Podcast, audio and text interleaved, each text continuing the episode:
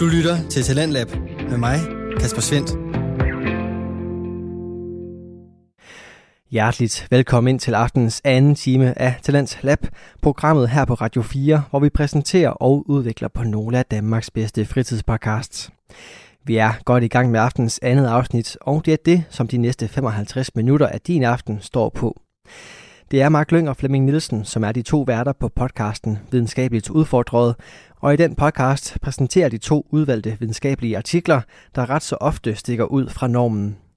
I aftens afsnit, der ser de blandt andet på den forskning, som måske har haft nytte, men som samtidig også har været dybt etisk forkert. Og derfor falder samtalen selvfølgelig også på, hvor vigtig og hvor stor en rolle etik spiller i den videnskabelige verden, og om de to ting overhovedet skal blandes sammen.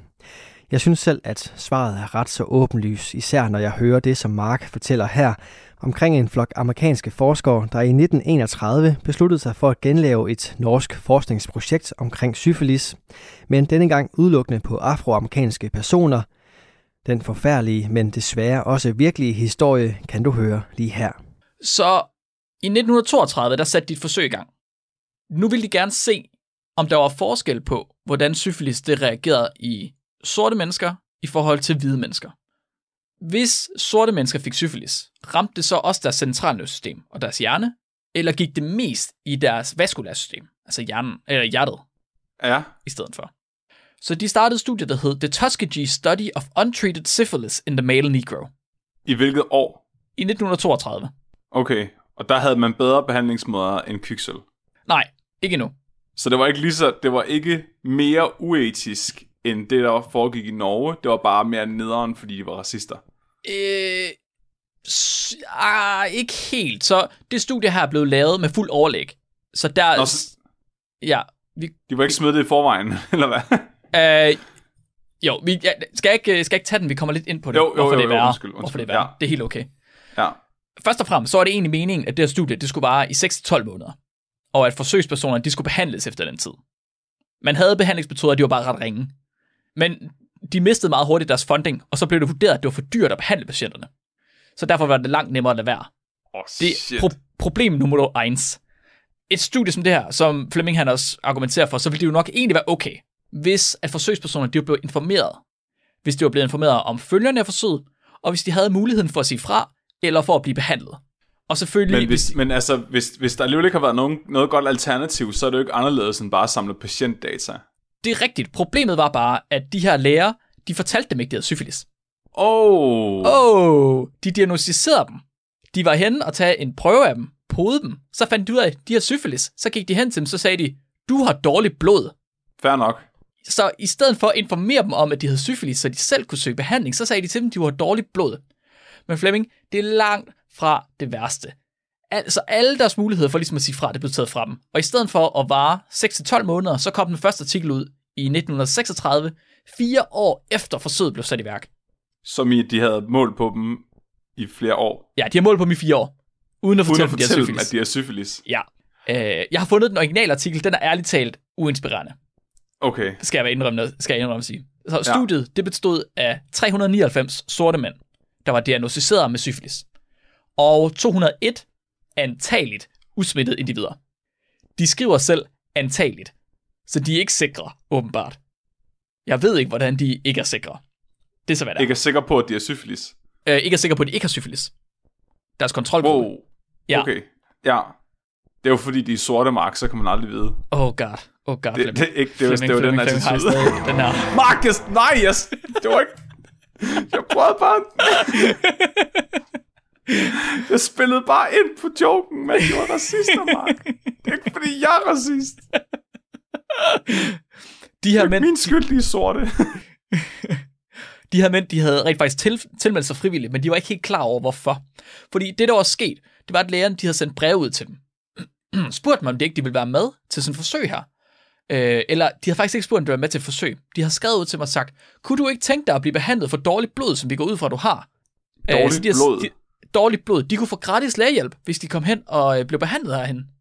Og de havde jo aldrig nogensinde haft råd til lægehjælp før, så de har nok aldrig været til lægen før, først og fremmest. Så de var sådan, jamen selvfølgelig, det kunne da være mega fedt. Og jeg har dårligt blod, og de var godt klar over, at de fleste mennesker i den omegn, de døde af dårligt blod. Jeg kan fandme godt forstå, at der ikke er nogen fra generationen før os, der stoler på læger. Ja, hold kæft, Altså, mand. Den, den har faktisk, øh, hele det her studie her, det har, det har været med til at gøre, at den gener- generelt, så har der været virkelig meget mistro til læger blandt den sorte befolkning, og specielt til hvide læger, hvilket man godt kan forstå. prøv, lige, prøv lige at overveje sådan hele, he, altså sådan hele lægevidenskabens historie kan egentlig opsummeres med læger, der ikke ved, hvad fuck de gør, og gør alting værre med kviksøl, til læger, der snyder folk til at finde ud af, hvad de har gang i. Altså til Ja, ja, ja. læger, der ikke behøver at snyde folk mere. Oh god. Altså det, det er ligesom den der, den der overskiftsperiode, hvor de sådan snyder folk for at finde ud af at behandle dem. De skulle lige finde ud af, at de behøvede ikke være uetiske for at behandle folk. Du kunne godt få data ud af, uden at snyde folk, uden at lyve for dem. Men alligevel meget af de data, de altså baserer behandling på i dag, er jo noget, de har fået på grund af det. Øh, ja. Ikke helt. Sådan noget, sådan noget som kirurgi og sådan noget kommer der Okay, fra, fra Auschwitz. yes, yes, og... okay, jeg troede, du mente uh, syfilis. Ja. Nå nej, okay, ja, ja. ja. Ja, nej, du har ret, der er mange andre øh, behandlingsmetoder, der er lavet fra UIT's forskning, der er ingen tvivl om. Så øh, de har simpelthen sendt brev ud til de her mænd, om ikke de ville ind, og så behandles for, gratis behandles for dårligt blod. Så sundhedssystemet, de holdt simpelthen hemmeligt for dem, at de var inficeret, og det betød, at de kunne risikere at blive blinde, døve, mentalt handicappet, øh, selvom forskerne de mente, at det var de i forvejen, eller i værste tilfælde, så kunne de dø af det. Det var fuldstændig meget, det skulle de ikke have vide. Det ville være at kompromittere forskningen. Ej, det går ikke. Forskerne de kom øh, relativt ofte ned til Tuskegee for at undersøge de her mænd. Og de løg selvfølgelig alt, hvad de kunne. Samtidig med, at de tog nogle, en del prøver, vilde prøver, blodprøver, rygmadsprøver og alt muligt mærkeligt. Det var faktisk øh, det Tuskegee Institute, som vi snakkede om lige før, det var jo i virkeligheden sort styret. Øh, men de var også involveret. Det var drevet af sorte mennesker, der var sorte mennesker, der arbejdede der. Øh, men de sendte simpelthen folk ud for at tage prøver fra mændene til det her for, øh, studie Mm-hmm. man er ikke sikker på, om de har vidst det, dem der blev taget for at prøver. Man er ret sikker på, at Tuskegee de har fået en del penge for at medvirke. Så at de Ja. faktisk ikke har kunne overleve, hvis ikke de medvirkede til at være uetiske mod de her mænd. Shit, Ja. mand. Efter studiet, efter de havde la- lavet de her første fire år, så øh, lavede de en graf. To grafer.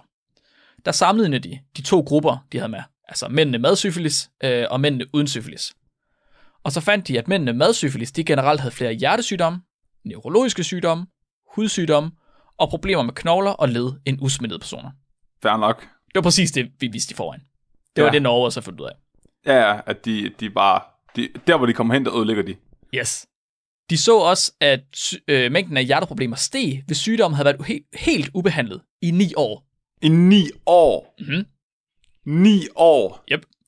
Og hvis øh, forsøgspersonen de bare havde fået utilstrækkelig behandling, kviksøl eller bismuth eller et eller andet, så steg mængden af hjerteproblemer altså ikke. Er det rigtigt? Ja. Så kviksøl hjælp. Åbenbart. Åbenbart. Ej, hvor er det fuck. Det var nok, fordi de døde af noget andet inden. Muligvis. Men prøv, prøv at overveje, at de har holdt det hemmeligt for dem, at de har syfilis i ni år. Ja, Flemming, uh, ni år, det er uh, det mindste af det hele. Vi er slet ikke færdige nu. Altså, vi er ikke engang halvvejs nu, kan jeg fortælle dig. Åh, oh, shit, Hvis I mand. synes, at det her det lyder som nogle lidt nederen resultater, så er I ikke de eneste. Det gjorde forskerne også. Så de besluttede sig for bare at fortsætte. Hvorfor stoppe efter fire år? Hvorfor ikke bare fortsætte? Så de overtalte lærerne i, uh, i Tuskegee til ikke at behandle mændene. Simpelthen, de måtte ikke behandle mændene overhovedet. Da Alabamas Health Department de sendte et mobilt testcenter ud i starten af 40'erne, så sørgede forskerne for, at mændene de ikke kunne blive testet ved det her testcenter. Nej. Afholdt dem simpelthen for at kunne blive testet. Under, Ej, hvor er det sindssygt. under 2. verdenskrig, der forsøgte nogle af mændene at komme i herren. Men det var et problem for forskerne, fordi hvis de kom i herren, så ville de blive testet og behandlet. Så forskerne de sørgede for at sende folk ud til øh, værvestationerne, for simpelthen at kunne sende mændene væk, så de ikke kunne blive værre. Har det været, har det været, det har virkelig været gennemført. Altså, de har virkelig, virkelig, virkelig ikke vil have, at de skulle finde ud af, at de havde syfilis. På ingen måde. En af mændene, han anede selv uråd. Han havde en idé om, at han måske havde syfilis. Så det han gjorde, det var, at han ville ind til et testcenter, et gratis testcenter, og så selv øh, testes. Han søgte simpelthen hjælp af egen læge. ikke? Han kom hele vejen til en offentlig klinik i Birmingham. Men forskerne, de havde på en eller anden måde fundet ud af det her, han var på vej, så de nåede simpelthen at ringe i forvejen, og så få klinikken til at sende ham væk, uden at teste ham. Det er faktisk lidt imponerende. Man tror ikke på, at den amerikanske... Altså, en af argumenterne imod konspirationsteorier, det er, at den amerikanske regering ikke kan finde ud af noget som helst, og ikke kan holde noget hemmeligt. Men det der, det er fandme... Det er fandme gennemført. Det er ligesom sådan en eller anden hyggelig øh, konspirationsteorifilm eller et eller andet. fuldstændig vanvittigt. Og de blev bare ved og ved og ved. I 1943, der blev penicillin for første gang brugt mod syfilis. det var en kæmpe succes. Penicillin er pissegodt mod syfilis. Det fungerer skide godt. I 45 var det guldstandarden mod syfilis. Øh, det var Ja. forskerne pisse ligeglade med. Fuck det, de skulle have noget data. Så i 1955, 10 år efter at sy- øh, penicillin er blevet guldstandarden for behandling mod syfilis, så udgiver det deres anden artikel. 23 år efter at studiet det startede. Ved du hvad Er der, de, ikke ved, nogen, der, er der ikke nogen, der siger noget til det her? Ikke Hvordan er der ikke nogen, hvordan er der ikke nogen, der ikke har sådan forrådt forskerne og fortalt de mænd det her? Der er jo så mange, der har været involveret. Fuldstændig. Der er så mange, der har involveret, også andre sorte personer. Men jeg tror simpelthen, Ja. ja. de bare har været så livsnødvendige for dem at få de penge, som de har kunne give dem, at de har ikke kunne sige noget. Det har nærmest været, øh, altså, hvad kalder man det? Øh, afbetaling. Bribe. Ah, Det er, rart, det er bare rart, du en gang imellem bare lige kan fjerne al min tro på menneskeheden, Mark. Ja, er det ikke rart?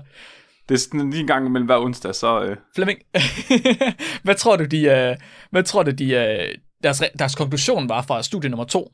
Hvad var det banebrydende at, forskning, at, de havde fået at syfilis bliver mere træls over tid. De havde fundet ud af, at livslængden blandt 25-50-årige med syfilis, den blev reduceret med, hold nu godt fast, 17 procent. Sådan. 17 procent. procent, så kan du, kan du mærke det, Flemming. Så, så snakker vi Nature her. Det er en Nobelpris, kan du mærke det? For satan, det er noget, alle de vil vide. Men, åh, I, 1900, hvordan- jeg forst- i, 19, Flemming, I 1964, ni år efter, der kom de med endnu mere banebrydende forskning. Ni år efter. 64 64. var de stadig i gang med studiet her. Ja, ja, ja, fuldstændig. Det er efter min far blev født. Hvor er det sindssygt. Min far var, min far, altså min far var tre år gammel der. Det er 32 Der år efter, sådan noget her. det er 32 år efter, at, at forskning, eller studiet blev startet her. De kom, der kom de med en ny øh, banebrydende resultat. Livslængden, den var ikke blevet reduceret med 17 procent. Den var blevet reduceret med 20. Og hvad så? Ring til Sverige, vi skal have fat i Nobel. Det er lige nu, for satan, kan du mærke det, Flemming? Det, så er der gang i den. Hold nu kæft, men det studie, det skal have lov til at køre og køre og køre. Det er der ingen tvivl om. 20% Flemming. at være syge og ikke blive behandlet. For satan, det, hvem havde troet det? Studiet, det fortsatte igennem USA's revolution for sortes borgerrettigheder. Det fortsatte gennem Martin Luther Kings I Have a Dream. Selv, efter, selv efter, at man på CDC, altså Center for Disease Control, havde holdt møde i 69 om det specifikke studie, der fortsatte det. Man har siddet inde på Center for Disease Control, der står for at, at klare pandemier. Og så har man sagt, ja, sorte mennesker, de skal da bare have lov til at syfilis. Men Mark, du, du ved, det er ligesom, det er ligesom, hvis du kommer til at lyve om noget, ikke? Og så bagefter, så vil det være sådan lidt ydmygende sådan, at indrømme, at det var en løgn. Og, så, og så bliver du nødt til at lyve lidt mere for at holde den der løgn kørende, ikke? Det er Altså, det, det, det er den mest udviklede sitcom-historie, jeg har hørt. det er sådan, skal vi ikke lige se, om sorte mennesker får mindre syfilis i hjernen end hvide mennesker? Og det, det kan vi da godt. Vi er jo trods alt racister. og så går der et år, ikke? Nej, det virkede ikke. Og vi giver den lige tre år mere. Og så, så er det efter de der fire år. Nå, vi burde nok fortælle dem, at de faktisk har syfilis, så vi har holdt det hemmeligt. Vi kunne også bare lade være. Ja, ja, ja. og, så, og så jo længere tid der går, jo mere akavet det blevet at skulle fortælle dem det. Sådan efter 20 år, der er der bare ikke en mulighed. Altså, det var... Kæft, mand. Jamen, det er for fucking latterligt, men der har siddet rige hvide mænd inde i CDC, og så har de sagt, you will never have an opportunity like this. Take advantage of it. Opportunity? Hvad snakker du om? Hvad for en mulighed? Du har, reduceret, du har set, at livslængden er reduceret med 20%. Der er ikke flere data i det her. Du kan ikke finde ud af mere. Du ved alt. Du kan da behandle syfilis. Det er ikke et problem længere. Det er også bare sådan lidt akavet, ikke? Sådan, ah, prøv at høre, Marker. Øh, du har haft syfilis i 40 år, og vi har holdt det hemmeligt for dig, og vi har ikke rigtig fundet noget, altså, vi har ikke rigtig opdaget noget med det, men øh, Præcis. De har ikke opdaget Det skiv. De har ikke engang... De har ikke vi engang ville egentlig have sagt noget for 36 år siden, men så glemte vi det. Prøv at, ved du hvad, det, det dummeste værker, de har fucket op med deres kontroller. Studiet, det er ikke engang rigtig videnskabeligt længere. De, de, de havde 201 mænd, ikke? der angiveligt var, angiveligt var fri for syfilis. Først og fremmest angiveligt kan man ikke bruge til en skid. De skal være fri for syfilis eller ej. Ellers er det ingen negativ kontrol. Godt. Men det var kun de syge mænd, der blev kontrolleret, for om de fik behandling eller ej. Så de havde ikke en skid styr på, om deres kontrolgruppe fik syfilis eller ej. Ej, hvor er det dumt. Så der er ret mange af personerne i kontrolgruppen, der også fik syfilis. Så de har sammenlignet folk med syfilis med folk med syfilis. Og så er de set, om der er en forskel mellem folk med syfilis eller folk med syfilis. Fedt. De, de kunne ikke bruge det data til en skid. Og det vildeste var, selvom de havde så meget kontrol på dem, der rent faktisk blev syge, så fik de også behandling. Utilstrækkelig behandling, godt nok, men de fik stadig alle mulige mærkelige medicamenter. Kviksøl, bismus, de fik øh, øh, te og øh, alle mulige andre ting. Altså, de kom ind til læger, alle mulige ting. America. Fuck Fucking yeah. åndssvagt, mand. Ej, hvor er det det mest latter, det er det mest dumme, jeg nogensinde har hørt. Det, prøv at, man har simpelthen... Ej, det er for vildt, mand. Det er fortsat, indtil der var en epidemiolog ved navn Peter Buxton i 72, der legede whistleblower simpelthen, og så videregav information. Han var epidemiolog inde ved CDC. Så han gav noget information videre til sin journalistmarker, øh, og så stoppede studiet. Lige med det samme, i 72. Mhm. Ja, det blev en skandale i medierne. Allerede øh, året efter, der øh, havde man sat flere forskellige komiteer op, etiske komiteer. Øhm, ja, man sørgede for at få oprettet de her komiteer, for at ligesom kunne beskytte mennesker i forskning, og det blev gjort obligatorisk også at få informeret samtykke, altså informed consent. Øh, og det er på baggrund af det her studie, at man sidenhen har gjort det så populært, skal man næsten sige, at lave etiske råd, både på lokal, national og global plan.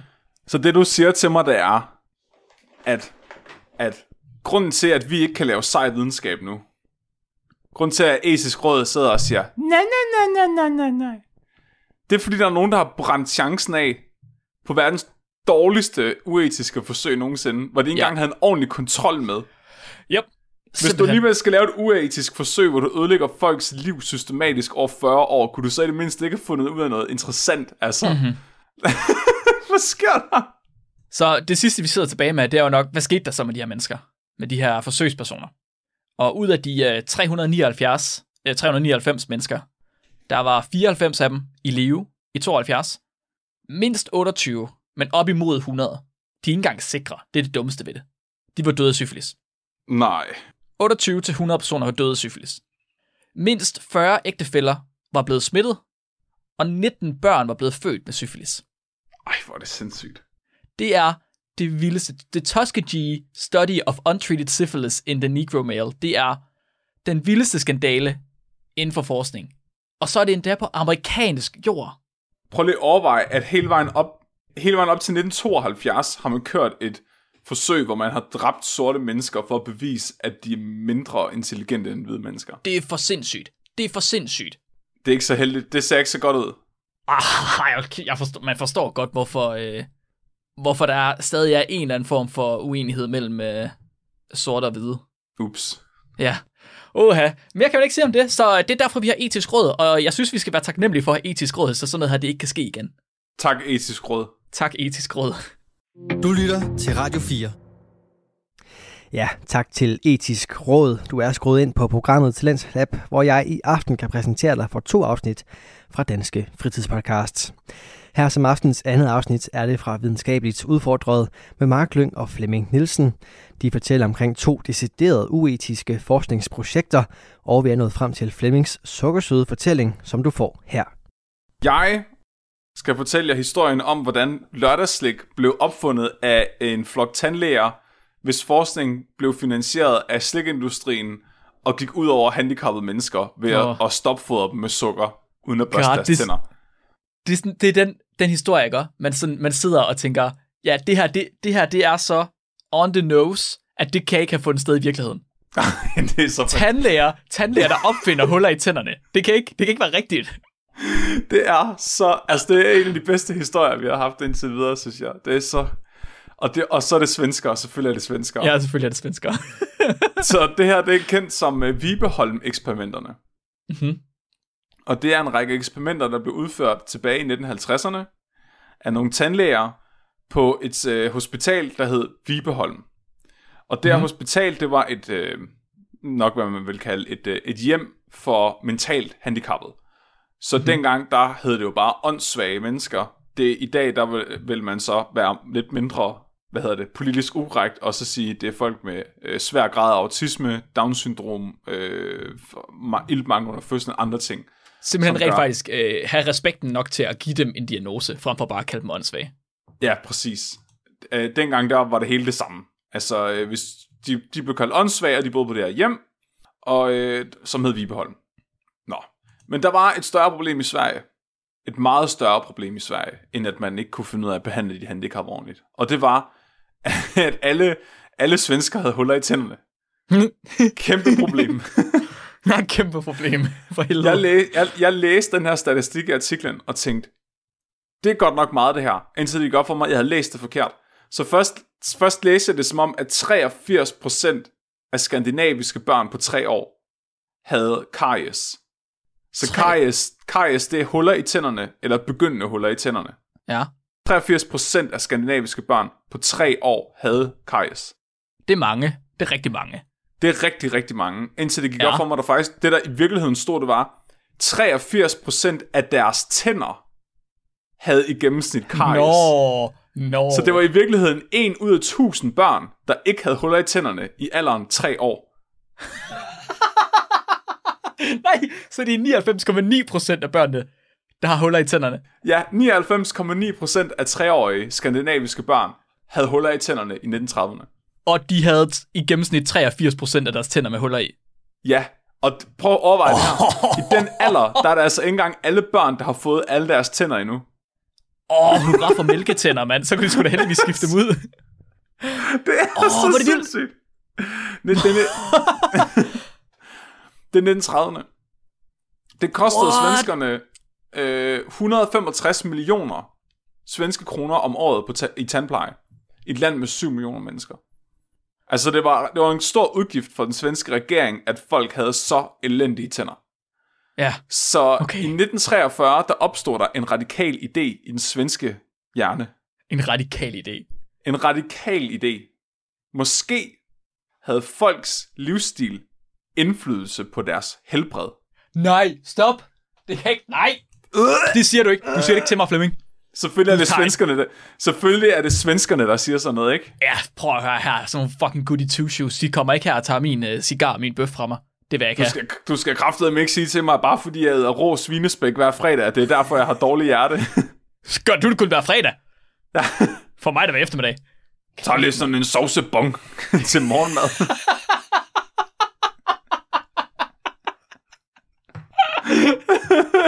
Mine børn, de ryger kun camel.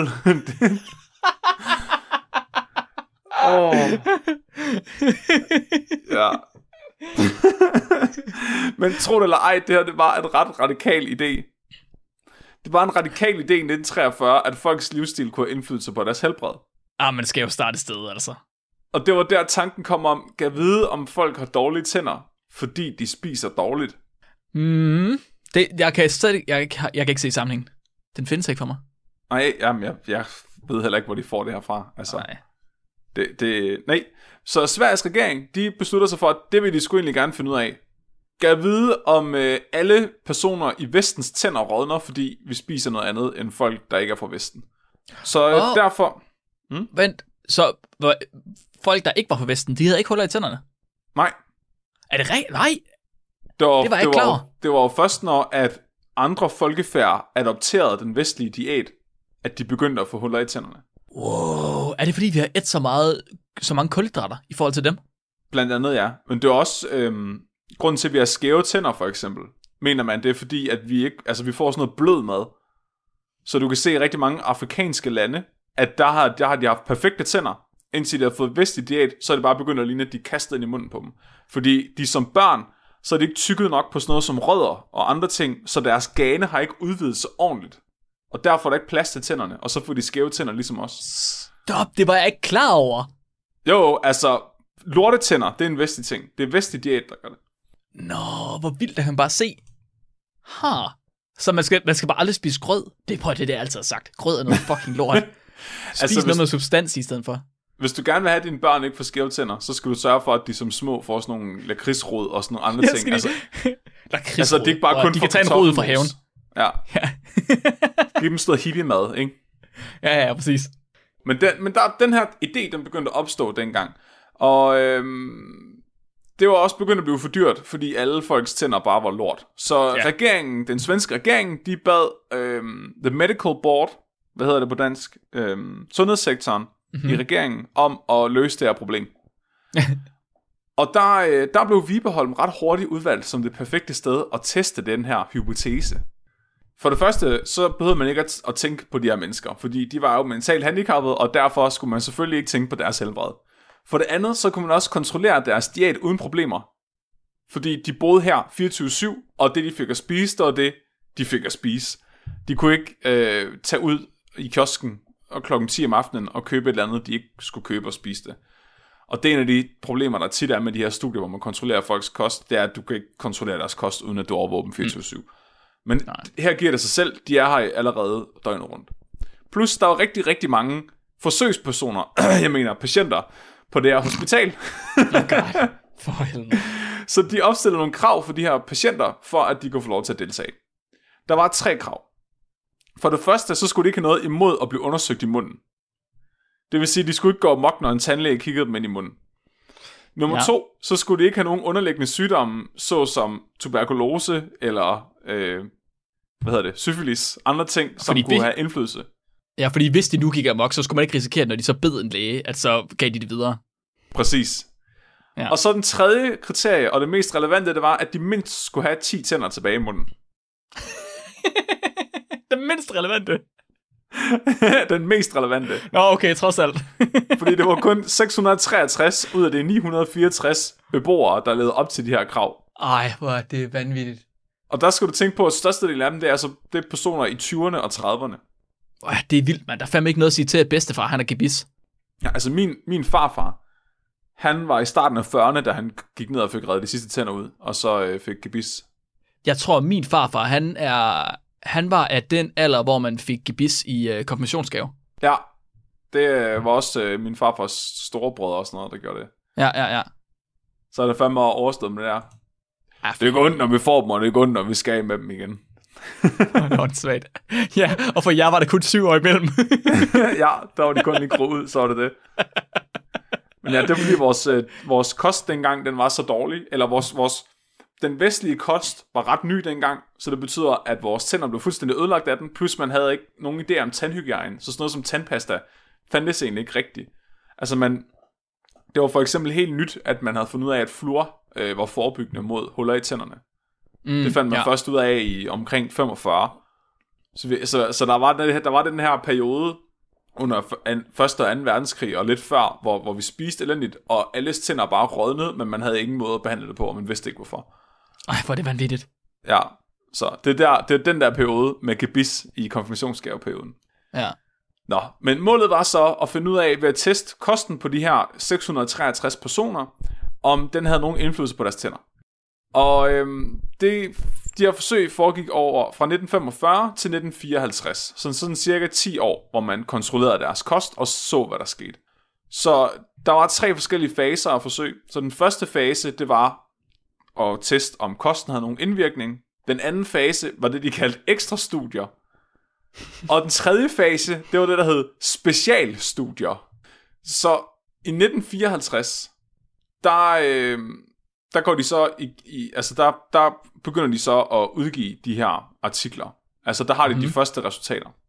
Og øh, de finder ud af, at der er ingen, eller de, de laver et review af den viden, der er op til det her tidspunkt. Så de, de har ikke selv publiceret deres egne resultater, men de kigger på, hvad, hvad konsensus er hos andre tandlæger. Og andre tandlæger, den kollektive forskning af dem, konkluderer, at der er ingen sammenhæng mellem kost og huller i tænderne. Ja, nej, og de, de har jo fuldstændig ret. Altså, det er jo også det, man ser. Hvis nu man bare kaster sukker på tænder, så har de det bare helt fint. Ja. Ingen tvivl om. Ja, så, så det var lidt interessant, når de så kom med deres egne resultater. Så de, først så tester de, øh, de giver øh, patienterne stivelse i deres kost, de giver dem vitamin A, de giver dem vitamin C, D, de giver dem knoglestøv, og så giver de dem oh. fluoridtabletter. Og ingen af delene havde nogen indflydelse på deres tandpleje. Huh. Så de her fluoridtabletter havde heller ikke nogen signifikant indvirkning. Det havde stivelse oh, heller ikke. oh fuck. Men så, så var der nogen, der kun fik halvt så mange kulhydrater, som svensker normalt spiste. Og det hjalp faktisk. Huh. Så de begyndte at se, at der var en sammenhæng mellem kulhydrater, altså sukker, og folks øh, tandproblemer, øh, altså huller i tænderne. Var det specifikt øh, sukker, eller var det stiv, altså øh, som i brød og korn og sådan noget? Det var, det var sukker, sukker, som sukker, i, sukker. som i karamel, og som ja, i, at de, ja, gav okay. dem, de gav dem en sukkerdrik, der var sådan gelé som de også smurte på deres brød. Ej. Og de lavede sådan nogle, så, så det der var det vilde, var, at det her eksperiment alene kostede en halv million svenske kroner dengang. What? Ja. I fuck, what? Hvor Ja. meget sukkervand har de købt? Så dyrt er det ikke. Det, det har været ret dyrt, øh, det, men halvdelen af de her penge blev faktisk givet af slikindustrien selv. Så slikindustrien, der producerede de her karamel og sukker, og, altså de lavede speciallavede karameller med ekstra sukker i og mindre bindemidler til det her forsøg alene. De, altså, Hvorfor? Hvorfor? Jeg ved ikke, om de havde regnet med, at det ville være ligesom det der forskning i rygning, hvor at, øh, gennem lobbyisme kan de få dem til at udgive resultater, der siger, at rygning er sundt. Men alt det her, det end, ja, og jeg skal lige sige, hvis nogen derude er interesseret, en halv million svenske kroner, det er altså rigtig, rigtig mange penge. Og især når man tager det for, at det var dengang. Men altså, hvis man skulle regne det ud til danske kroner i dag, så ville det sådan cirka være 28 danske kroner. Hvad? Jamen, fordi Otte sådan- hvad? Jeg siger en halv million svenske kroner svarer til 28 danske kroner mark. Det er ikke mange penge, Flemming. Nej, men prøv at høre, også, altså svenskere, de handler også med sådan nogle matadorpenge, ikke? Altså, det kan Nå, ikke... det er også rigtigt. Hvordan kan de, jeg forstår ikke, hvordan de kan tage over grænsen og købe ting herover, så det giver ikke mening for mig. Det har, Nej. de det har de jo ikke råd til. Det er jo fordi, de stjæler. Nå, det er derfor. ja.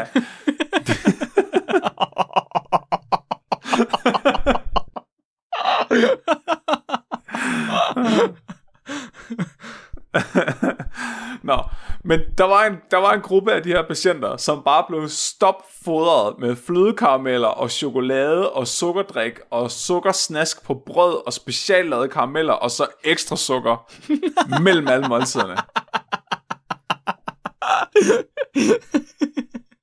altså, de, de fik ikke bare sukker til hovedmåltiderne, de fik også sukker imellem dem. Og det er bare diabetes country lige der. Åh oh, ja, ja, ja, jeg ved slet ikke. Øh, jeg ved ikke, hvad du regner med, der skete, Mark, men øhm, de, de fik huller i tænderne. Fik de huller i tænderne? De fik faktisk huller i tænderne. Det siger du ikke, mand. Ja, de fik rigtig meget huller i tænderne. Øhm, det, der var lidt interessant at se i statistikken, det var, at, at de personer, der havde fået øhm, det, der svarer til en almindelig svensk kost på daværende tidspunkt, de fik stadigvæk 24 flødekarameller om dagen i et år. Mm. Det er god slat.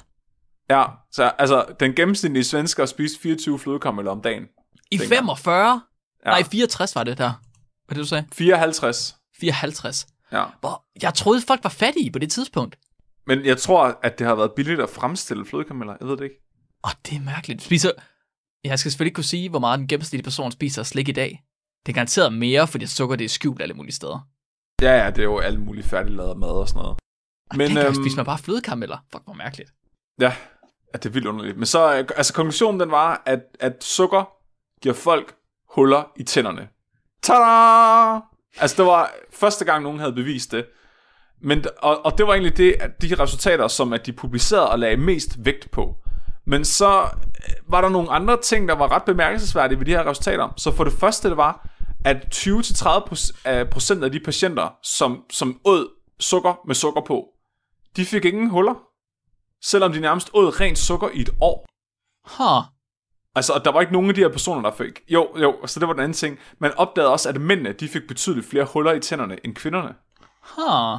Men så fandt man ud af, at det var fordi, at det kun var personalet på kvindernes afdeling, der rent faktisk børstede deres tænder. Okay, de børstede tænder dengang.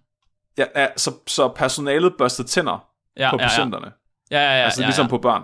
Så, Ja. Men det, det fik mændene ikke gjort. Det var kun kvinderne, dem der arbejdede på kvinde, af, kvindeafdelingen, der gjorde det. Så, de fandt, så der fik de så lige øh, ikke intentionelt vist, at der børste tænder, det er en god idé. De har virkelig fundet ud af mange ting, som vi gør i dag, i virkeligheden. Ja, men det var ret interessant, fordi udover at der var nogle patienter, som ikke fik huller i tænderne, selvom de åd rent sukker fem gange om dagen og ikke børstede tænder i et år, så var der også nogle af dem, som fortsatte med at få huller, efter de stoppede med at spise sukker. Så graden af karies, de havde, den blev ikke hæmmet af, at de ikke længere fik sukker. Nej, okay. Så det tyder egentlig på, at der var nogle af de her patienter, som var disponeret mere for at få huller i tænderne end andre, Mm-hmm. og omvendt. Lægerne de noterede også, at patienternes livskvalitet den var markant højere under studiet, Nej, hold kæft, mand. og både deres fysiske og psykisk helbred blev forbedret af studiet, Nej, de har aldrig fået så meget opmærksomhed, som de gjorde ved det studie. Og så meget fucking sukker. Ja. Prøv at tænke på, at slikindustrien har doneret en halv million svenske kroner til, at de bare kunne æde sukker i 10 år. Til gengæld, da studiet så var overstået, så var 50% af deres tænder rådnet væk. What? Er de tilbageværende tænder, eller i alt? I, altså i de tænder, der var til at starte, altså de, de 10, hvis de havde haft 10 tænder til at starte med, så var 50% af dem forsvundet undervejs. Oh my frick. Hvor det... Ej, nej, nej, nej, nej. Altså de var, de var, de var decideret rådnet væk. Altså, Men de har aldrig været gladere, Flemming. De har aldrig været Nej, gladere. de har- det skulle nej. de huske. De sagde De med glade, er- mens det skete. Og satan, det er fandme rart, at sådan en tand forsvinder. Det er, det er så sindssygt. Efter, og efter øh, det her øh, studie så overstået, så, så blev de aldrig instrueret i at børste tænder. Der var ikke nogen, der var sådan, okay, de, de havde faktisk fundet ud af, at det hjalp at børste tænder, men der var ikke aldrig nogen, der hjalp dem med det efter det. Og der var aldrig nogen, der sagde til dem, det var en god idé. Så de blev bare efterladt uden tænder, eller med dem, de havde tilbage. Du lytter til Talentlab med mig, Kasper Svendt. Vi er i gang med aftenens andet podcast-afsnit her i Talents Lab, programmet på Radio 4, som giver dig mulighed for at høre nogle af Danmarks bedste fritidspodcasts. Det er alle sammen podcast, der deler nye stemmer, fortællinger og måske endda nye holdninger, og så er det alt sammen noget, som du kan dykke videre ned i på egen hånd, for alle podcasts, som vi præsenterer her i programmet, dem kan du finde yderligere afsnit fra inde på diverse platforme. Det gælder også for Mark Lyng og Flemming Nielsens podcast, Videnskabeligt Udfordret, som du kan høre i denne time. De fortæller i denne episode omkring uetiske forskningsforsøg, og det omhandler blandt andet et projekt med noget så sødt som slik. Hør hvordan det stak helt af i moralsk forkert forskning lige her. Og det var så fase 1, hvor man lavede alle de her studier, hvor man fodrede på forskellige måder for at se, hvad der skete. Så var der de her ekstra studier, øhm, så der, hvor man og specialstudier, hvor man, hvor man sådan videre øh, undersøgte ting baseret på, på de eksisterende resultater, men også på nye resultater. Så øh, der var nogle genetikere, øh, Buk og Grahen, som tog rundt i 1953 og besøgte familien. Til de, så, så der var nogle patienter, der ikke fik huller i tænderne, som jeg sagde tidligere, selvom de spiste sukker. De her to genetikere, de tog så ud til deres søskende og deres forældre, og undersøgte, om de havde tendens til også at få huller i tænderne. Og så fandt de ud af, at de også havde mindre sandsynlighed for at få huller i tænderne. Ja. Så de konkluderede, at det altså var arveligt og højst sandsynligt genetisk, at folk fik færre huller i tænderne. Omvendt tog de også ud og besøgte dem, som fik mere huller i tænderne, efter mm. de holdt op med at spise sukker, og lavede den samme konklusion, at deres familiemedlemmer var også mere disponeret for at få huller i tænderne. Så var der øhm, Grupp og Krasse, som var to mikrobiologer. De tog i 1954 ud øh, og undersøgte øh, mikrobiomet i munden på folk. Sådan. Så Ja. kommer det. Ja, Endelig. de var øh, interesseret i øh, specifikt lactobaciller i munden på folk. De mente nemlig, at øh, huller i tænderne var på grund af bakterier. Ja. Så der er Carius og Bactus, ikke? Det er Bactus, det her, vi snakker om nu. Sådan, så var den der. Så for satan. De Det gjorde er det. så, hvorfor det hedder Carius og Bactus. Er det ikke bakterien, der giver Caries? Jo. Skulle det så ikke være Bactus og Bactus, der er skurkene? Caries Jo, det burde det faktisk. Jeg har heller aldrig rigtig forstået. Så Karius og Bactus, øh, er det dem, der borer huller? Altså, de, de har... Ja. ja Det er sådan to trolde, der laver huller, men det er jo baktusserne, der gør det. Det er jo ikke, Ja. altså, Ka- Caries er jo hullet. Og det er virkelig... Han må have en eksistentialistisk krise. Der, næste gang jeg kommer til sådan noget børneteater, så skal jeg nok uh, lige råbe og kaste noget efter dem. Han står bare og kigger på de der huller sådan, men jeg er hullet.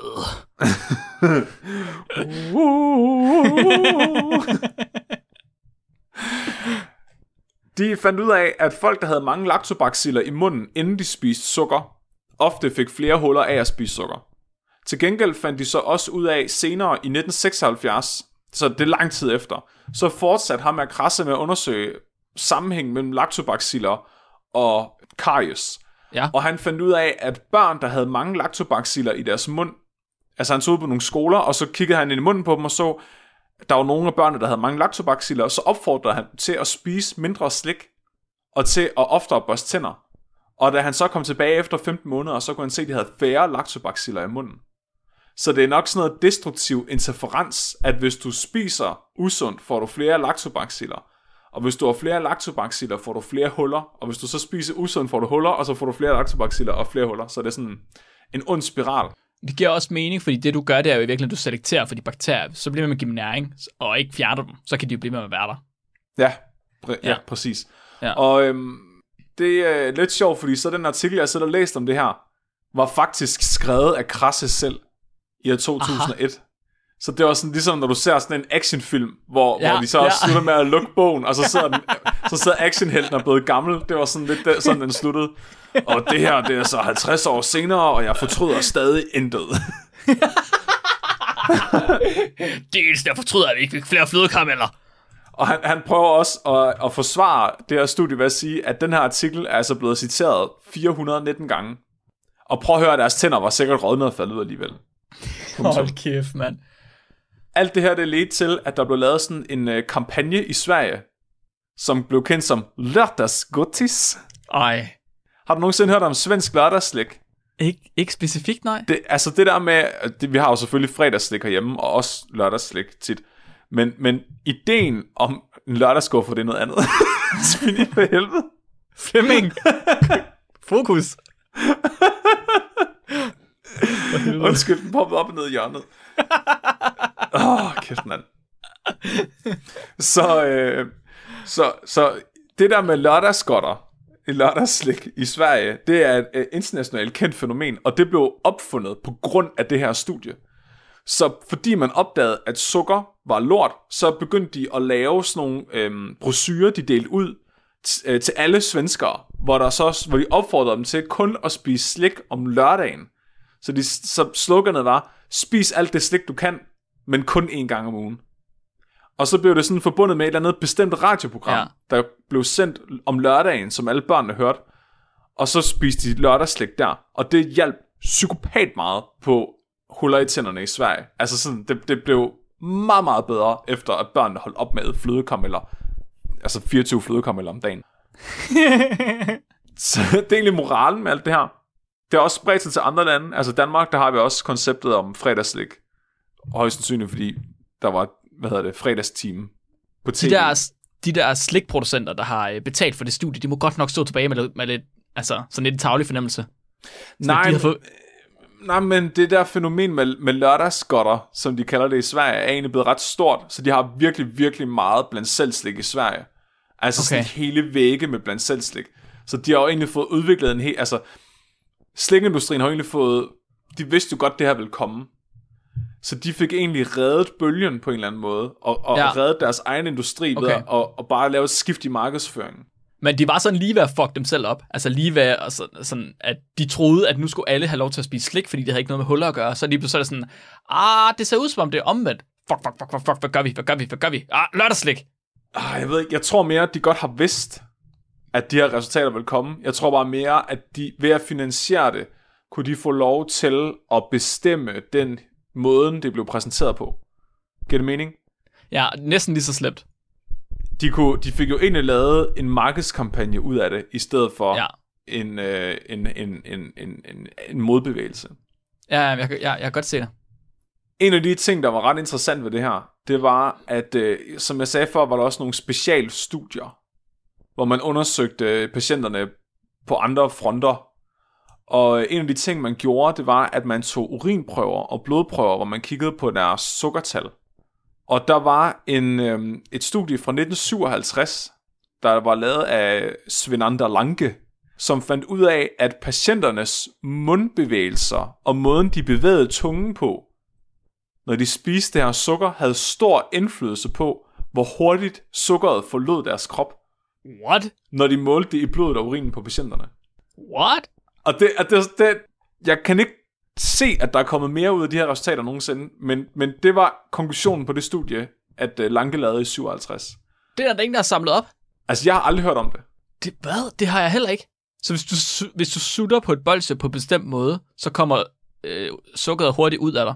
Altså, jeg kom til at tænke på, at når man for eksempel snakker om i farmaci, og et, et lægemiddel skal optages, så er der så ikke noget med at lægge noget under tungen, at så kommer det nemmere ud i blodbanen, fordi der er blodkarrene ret tæt på overfladen af huden. Hmm. Så hvis du, nu, hvis du nu for eksempel sutter på et bolsje, så tænker jeg, at sukkeret vil kunne komme direkte ud i blodet hurtigere, end hvis du bare stuer det, og det skal igennem tarmen. Ja.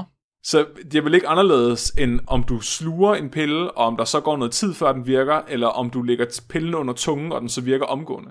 Ja, true, true. Nå, men det var egentlig det, jeg havde. Så det er uetiske forsøg, hvor man fodrer retarderede mennesker med øh, sukker og slik for en halv million kroner, øh, lidt til, at man i dag ved, at sukker giver huller i tænderne. okay. Altså, det er jo brugbar viden, kan man sige nu om dagen. Ja, Det er jo ret nok ja. at vide. Så det var min, øh, det var min del af uetisk forskning fra Sverige. Mak, gak, bak, lak. Ja, ja, ja. Nu har vi ja. fundet rundet af, fået, fået rundet af på vores afsnit om uetisk forskning, og vi skal have rated vores sidste uges afsnit på Gargometeret.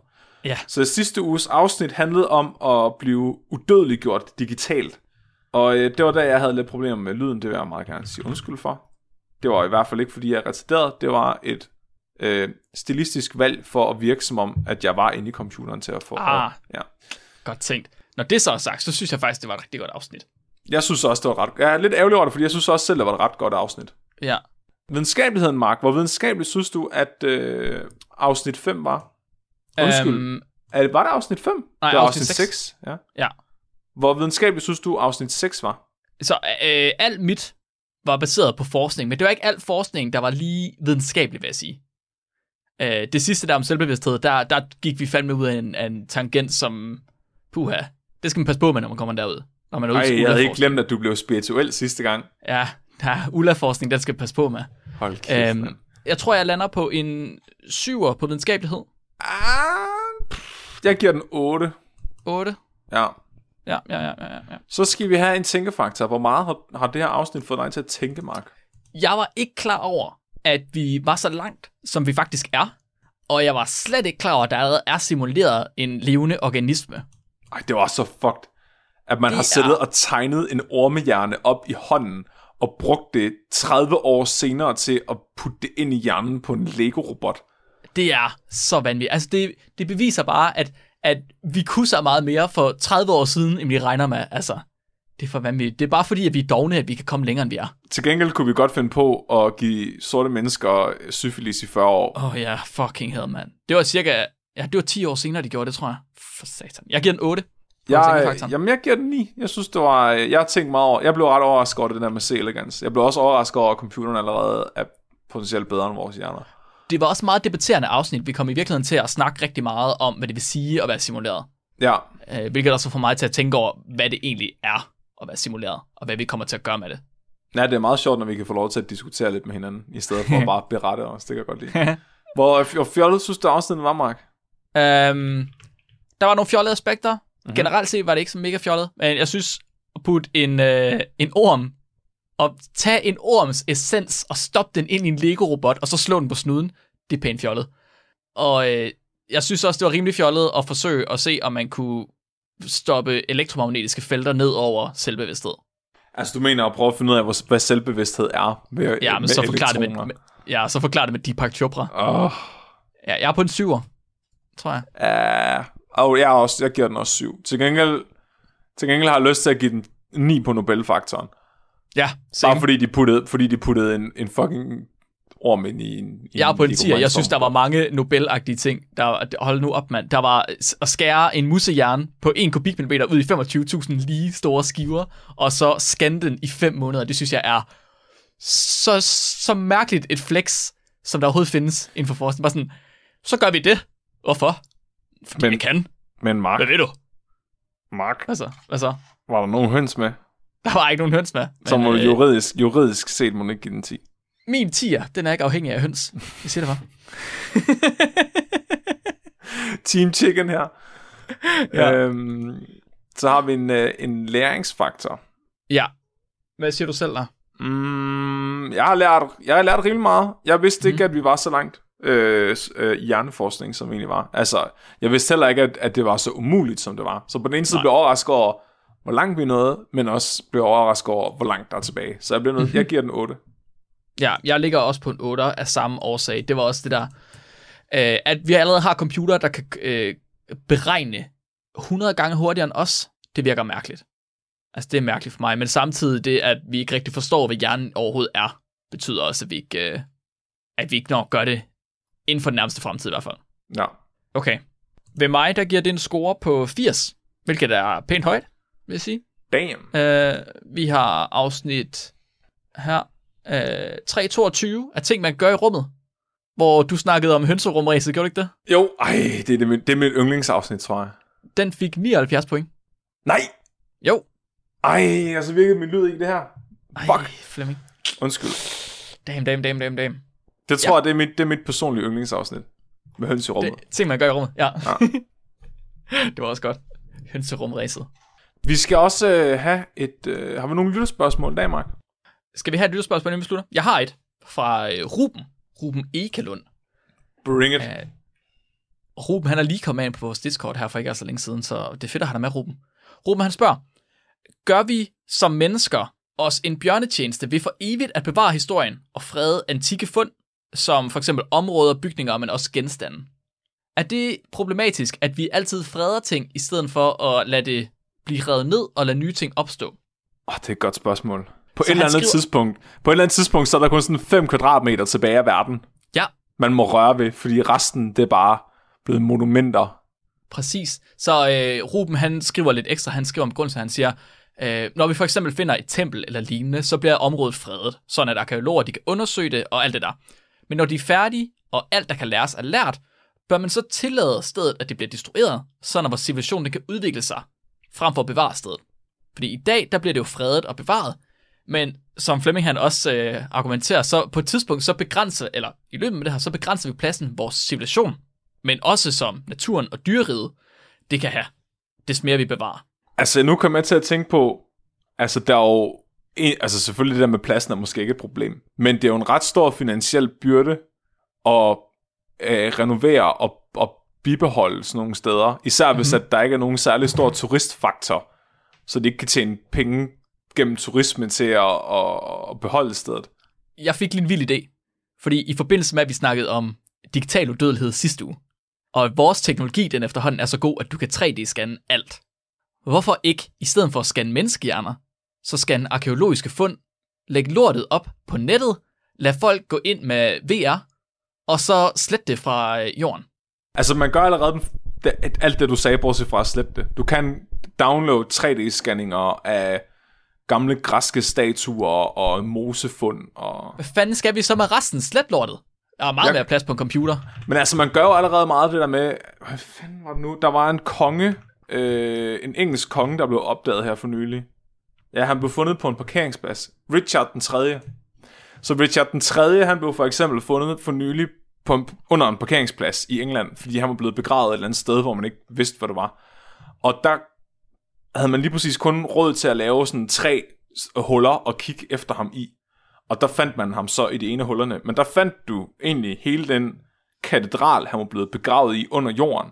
Men det man gør, det er altid bare, at du graver op, tager det du vil have, tager nogle billeder af det, og så lukker du bare hullet igen. Altså, så det er ret normalt, at hvis man finder et eller andet, så, så graver man det bare ned igen, og så laver man parkeringspladsen igen. Det var jeg faktisk ikke klar over. Der kan Altså, bare der, se. der, der er, blev, her på Tåsingen, der bliver tit fundet sådan nogle stenalder ting og sådan noget. Altså sådan landsbyer og rester af bosteder og sådan noget. Det bliver bare gravet ned igen. Altså, så, så laver de et hul, og så, og så finder de lige det, der var værd at gemme på, og så, så putter de bare jord henover igen. Altså, så det er ikke Det lyder, sådan, det lyder virkelig, virkelig dansk. Sådan, man kommer til at åbne op for en eller anden, øh, en eller anden høj et eller andet sted, sådan, oh fuck, der var et eller andet vigtigt dernede, vi lukker bare igen.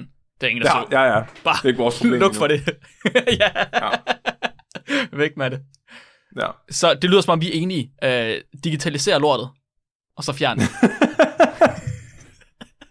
ja, brug pengene på forskning i stedet for. ja. Flere man da sagt. Ja, Alright. dagens dyrefakt, Mark. Dagens dyrefakt det er sendt ind af Jonas, Jonas Bamse Andersen. Og Jonas, han skriver, strussefarmere, de har mega svært ved at få deres strusse til at parre sig, for de er ikke interesseret i hinanden. De er interesseret i farmerne. Åh, oh, det er pissefrægt. Det er pisse frækt. Mit navn er Flemming. Og mit navn er Mark. Du er blevet videnskabeligt udfordret. Husk at være dum. Radio 4 taler med Danmark. Og vi fik heldigvis andet end moralsk forkert forskning præsenteret i denne sidste del af aftens episode fra Videnskabeligt Udfordret med Mark Lyng og Flemming Nielsen. Deres kombination af finurlig forskning, lytterspørgsmål og magværdige dyrefakta kan du finde flere eksempler på inde på diverse podcast-platforme. Der kan du selvfølgelig også finde aftens første fritidspodcast, som hedder Selvglad, og den har verden Katrine Rosenqvist. Og du kan faktisk også finde begge podcasts inde på det sociale medie Instagram, hvis du vil følge lidt med der. Mit navn er Kasper Svens, og tilbage for mig er blot at sige tak, fordi du lyttede med. Nu er det tid til verdens bedste natteprogram. Du får her Nattevagten.